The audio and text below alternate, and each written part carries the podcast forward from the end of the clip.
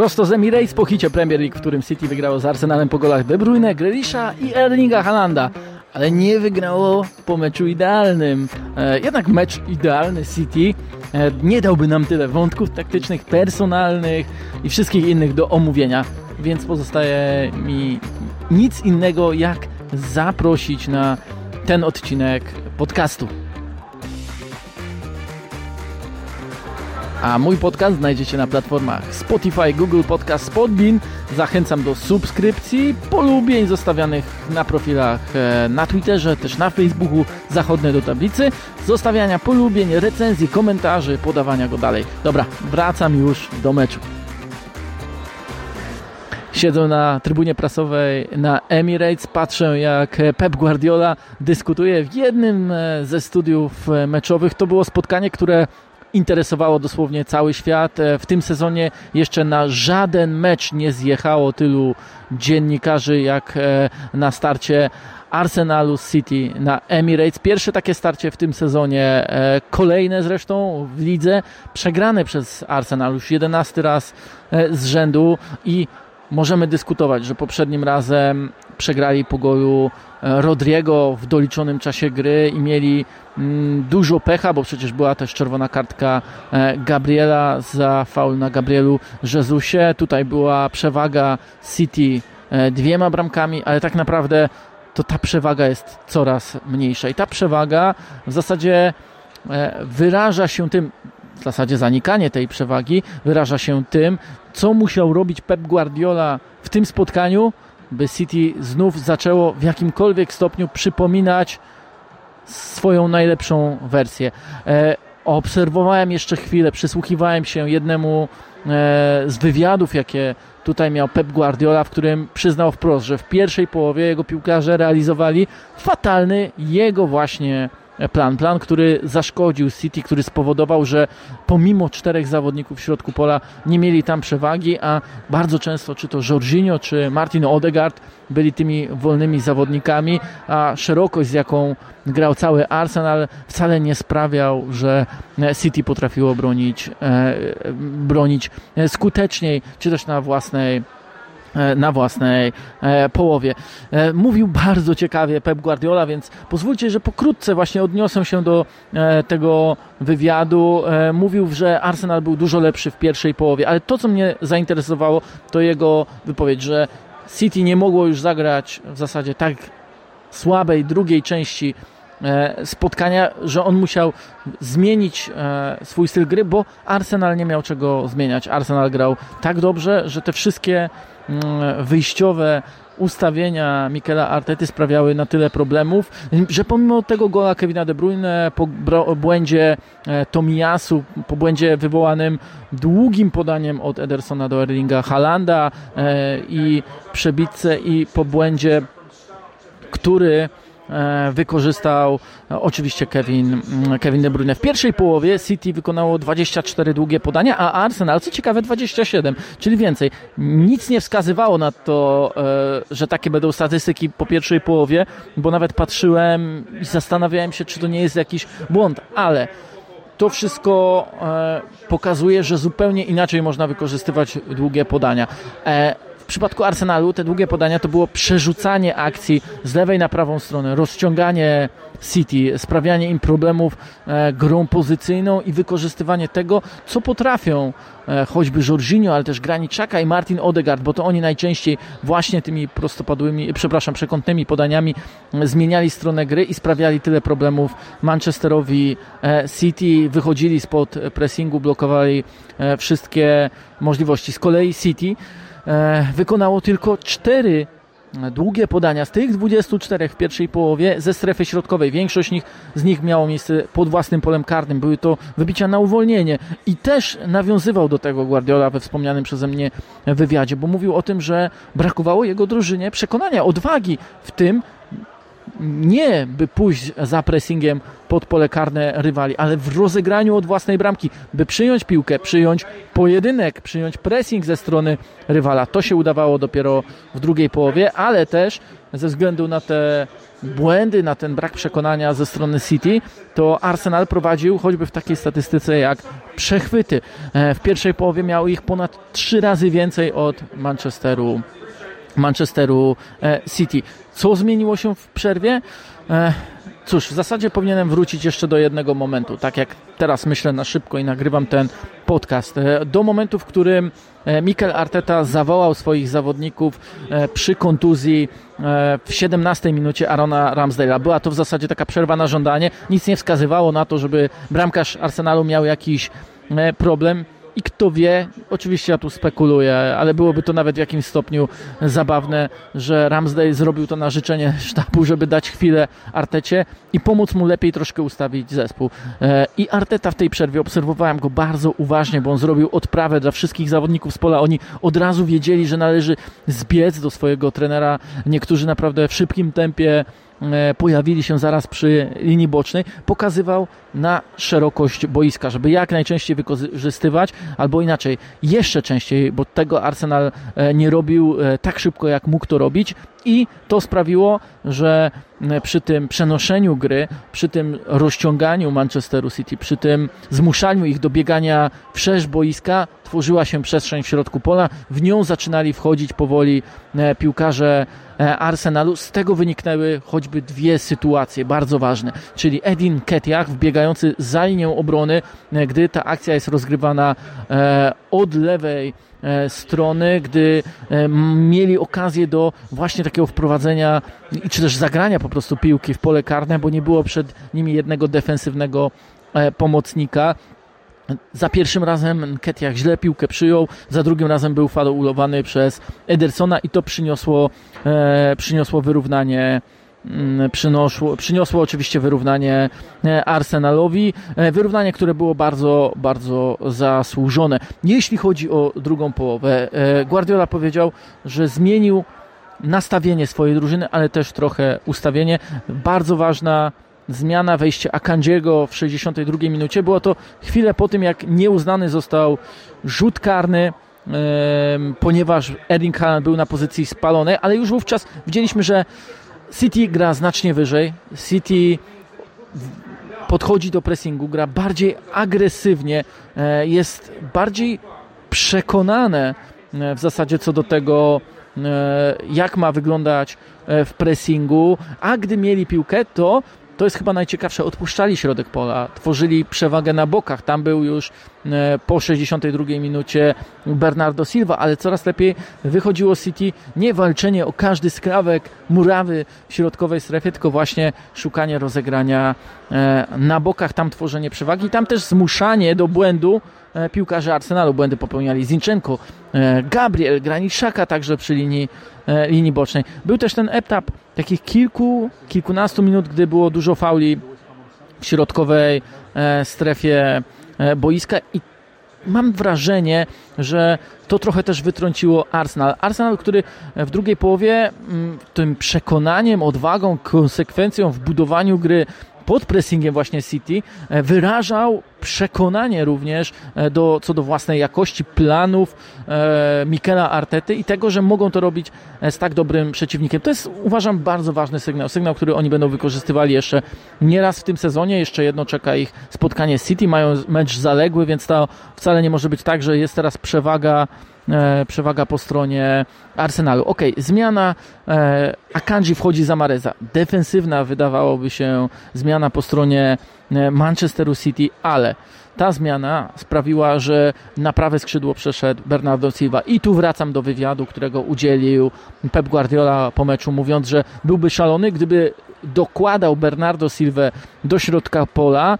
Tam starał się stworzyć przewagę, bo potrzebował jej zupełnie w innej strefie. Ta zupełnie inna strefa to właśnie prawa strona. Nie miał obaw co do tego, że Silva miał już po e, jednym z kolejnych fauli na sace e, żółtą kartkę, bo to po prostu mądry piłkarz, który się nie podpala i faktycznie było widać ogromną mądrość Bernardo Silva i jego przemiana w drugiej połowie też była przemianą całego Manchesteru, e, Manchesteru City. Były też takie dwie sytuacje po tym rzucie karnym po wejściu Akandziego i jeszcze przed golem e, Jacka Grealisha, w których najpierw Zinchenko stracił piłkę i swoją szansę miał Erling Haaland, a chwilę później kolejne rozegranie od Ramsdale'a skończyło się w polu karnym Manchesteru City. Znów był to wyraz tego, o czym wspomniałem wcześniej, przekonania, odwagi, konsekwencji Arsenalu, której na przykład brakowało City w pierwszej, w pierwszej połowie, ale to, co City udało się też w drugiej części meczu, to poprzez zmiany w pressingu, zmiany w podejściu. Oni w zasadzie odwzorowali Arsenal w pierwszej połowie, bo Arsenal grał bardzo mądrze pressingiem, podszedł jeden na jeden na całym boisku, odpuszczał jedną ze stron, a przez to, że Arsenal, e, przez to, że City nie potrafiło zmieniać tej strony e, tak skutecznie jak e, Arsenal, przez to, że nie mieli takiej odwagi w rozegraniu piłkarze Guardioli, to udawało się odzyskiwać piłkę tak często, ale o tym pressingu Arsenalu już mówiłem. No więc jeśli chodzi o City, oni podeszli bardzo podobnie. Grali jeden na jeden, bardzo agresywnie i wreszcie udało im się też mniej więcej poprzez to odseparować Erlinga Halanda, który wybrał sobie w zasadzie Gabriela do tych e, pojedynków w powietrzu, na prostopadłe podania, e, zmuszając go do błędów i też do rosnącej nerwowości e, w grze Brazylijczyka. To spowodowało błędy, pomyłki, mogło spowodować rzut karny. Oczywiście mógłbym wrócić tutaj do tych wszystkich słów Pepa Guardioli o tym, jak fatalny był ten plan, że znów próbował zrobić coś nowego, znów ile razy już on w swojej karierze szkoleniowej w kluczowych meczach starał się wykombinować coś absolutnie nowego. I choć tutaj obserwowaliśmy już ten plan mm, Guardioli w poprzednim spotkaniu choćby z Aston Villa i może on nie był aż tak super nowy, tak jednak trzeba powiedzieć, że, e, że przekombinował? No jest to też na pewno przyznanie się do winy, wszystko to, co było dziełem City w drugiej połowie i choćby zmiany oczywiście e, tego szkoleniowca. I choć ta gra wcale City nie była nadal idealna, to indywidualności. Kevin De Bruyne, Jack Grealish, Ilkay Gündogan i wreszcie Erling Haaland wystarczyły, o zapomniałem o Bernardo Silva, przecież tyle o nim mówiłem, wystarczyły do e, strzelenia strzelenia gola. E, musicie wiedzieć, że City w tym sezonie z Erlingiem Haalandem e, nawet bardziej presuje niż w poprzednich rozgrywkach i to w strefie ataku. 44% przed tym meczem z Arsenalem, aż sobie to wynotowałem, w porównaniu do 32% w poprzednim sezonie. Ale to powodowało, że druga linia była nieco odsłonięta i tak było również w tym meczu. I to też była taka jedna z największych zmian w grze Manchesteru City, ale poprzez zbudowanie przekonania, poprzez zachęcenie do odważniejszej gry, poprzez chyba też to, co musieli czuć sami piłkarze, że to nie jest ich mecz po pierwszych 45 minutach.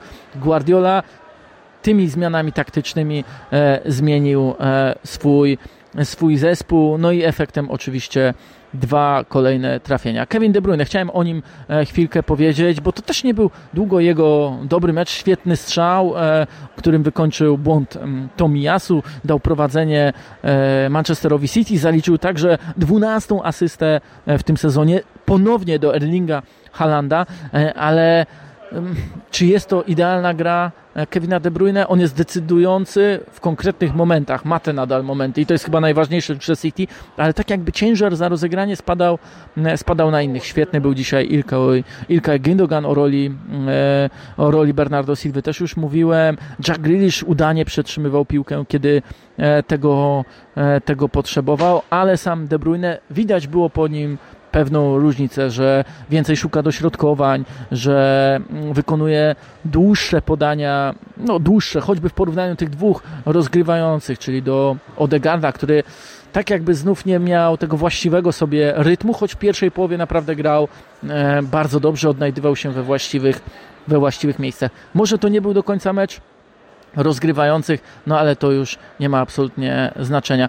Był to mecz pressingu, przypominam sytuację na rzut karny, ona również miała e, była efektem tego, że odzyskali piłkę Zinchenko, Graniczaka, e, bardzo dobrze się zachowali przy, mm, e, przy stracie i to właśnie Szwajcar rozegrał na to wejście Ediego Ketiacha za plecy Kyla Walkera, tam go faulował Ederson. E, jeśli chodzi jeszcze o jeden wątek, o Arsenal, gdzie możemy odnaleźć ten Arsenal e, Mikela Artety po tym spotkaniu, co to może oznaczać dla drużyny, e, drużyny, która dotychczas była tak długo na pozycji lidera. Mm, oczywiście, że najwięksi optymiści pośród kibiców Arsenalu nie liczyli przed tym sezonem, że na tym etapie starcie z City będzie odebierane jako walka o mistrzostwo kraju. Zresztą mówił nawet o tym sam Mikel Arteta, że lekko by się popukał w czoło. E, natomiast na pewno widać pewne braki, jeśli chodzi o e, jakość. Nie można mówić też o kryzysie drużyny, która oczywiście przegrywa e, drugi mecz z trzech ostatnich ligowych, że zdarzył się im jeszcze pechowy, niezasłużony remis z Brentfordem i w zasadzie można powiedzieć, że w każdym z tych meczów poza wydaje mi się, Evertonem. Arsenal był bardzo dobry, nawiązywał do tego, co grać potrafi, ale ma jakieś braki jakościowe Arsenal. Edin Ketiach w dwóch ostatnich meczach nie oddał żadnego celnego strzału. E, ten City był już trzecim spotkaniem i od dwóch goli z Manchesterem United do City uzbiera łącznie dwie dziesiąte gola oczekiwanego, czyli e, nie dochodził nawet do klarownych sytuacji. Tutaj przyczynił się oczywiście do rzutu karnego, miał jeszcze jedną taką sytuację wcześniej, ale miał też dwie sytuacje na głowę, kiedy powinien trafić do bramki.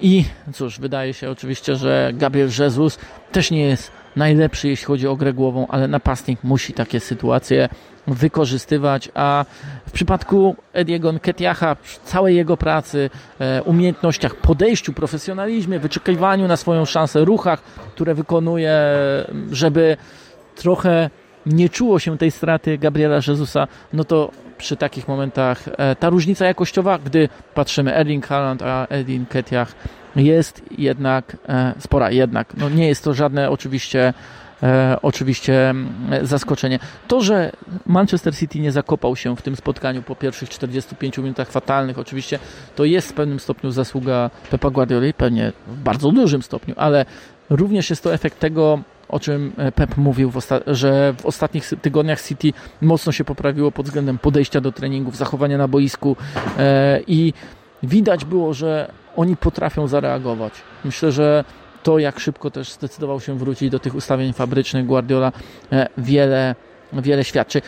Na koniec jeszcze o tych kluczowych decyzjach przedmeczowych, bo one też trochę definiują pracę trenera. Nie jest tak, bo wiem, że tylko e, tylko Guardiola popełnił błędy z taktyką, systemem, pomysłem na mecz, bo przecież e, wystawił Mikel Arteta w sposób mało charakterystyczny dwóch nowych zawodników. Oczywiście wejście Jorginho z Aparteja było wymuszone i Jorginho należał do e, naprawdę wyróżniających się postaci w Arsenalu. Grał mądrze, grał dokładnie, nie popełniał błędów. Raz uratował Arsenal przed stratą gola, wybijając piłkę z linii bramkowej, natomiast już zmiana e, Tomiyasu za Bena White'a nie była tak dobra, choć też Tomiyasu e, miał udane akcje, e, próbował nawet strzelić gola w pierwszej części spotkania, tak jednak ten błąd popełniony przy golu Kevina De Bruyne mówi też sporo, że po prostu nie była to decyzja, która się tak mocno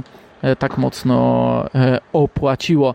To tyle jeśli chodzi o E, ten odcinek e, z Emirates. Myślę, że jeszcze długo będziemy rozmawiali o efektach tego spotkania, o tym, co zdarzyło się właśnie z udziałem taktyki w przypadku Manchesteru City i Pepa Guardioli, o tym, ile to znaczy dla e, Mikela Artety. Jego komentarzy jeszcze po tym meczu nie słyszałem, ale zakładam, że będą bardzo podobne jak po tych spotkaniach, które e, Arsenalowi nie wychodziły, czyli będzie po prostu dumny ze swoich piłkarzy. Wciąż mówimy o tym, jak niewiele brakuje Arsenalowi, ale oni byli naprawdę bardzo dobrzy i proszę mi wierzyć, że ta reakcja na koniec, po ostatnim gwizdku, chyba mówiła najwięcej. Jedenasty raz z rzędu, podkreślę to, jedenasty raz z rzędu Arsenal przegrywa w lidze z Manchesterem City w tych 11 meczach stracił 29 goli, strzelił tylko 4, ale dziś był żegnany owacjami przez kibiców i w pełni zasłużenie. Ta drużyna jeszcze do wielu e, pięknych rzeczy dojdzie, e, jeszcze wiele osiągnie,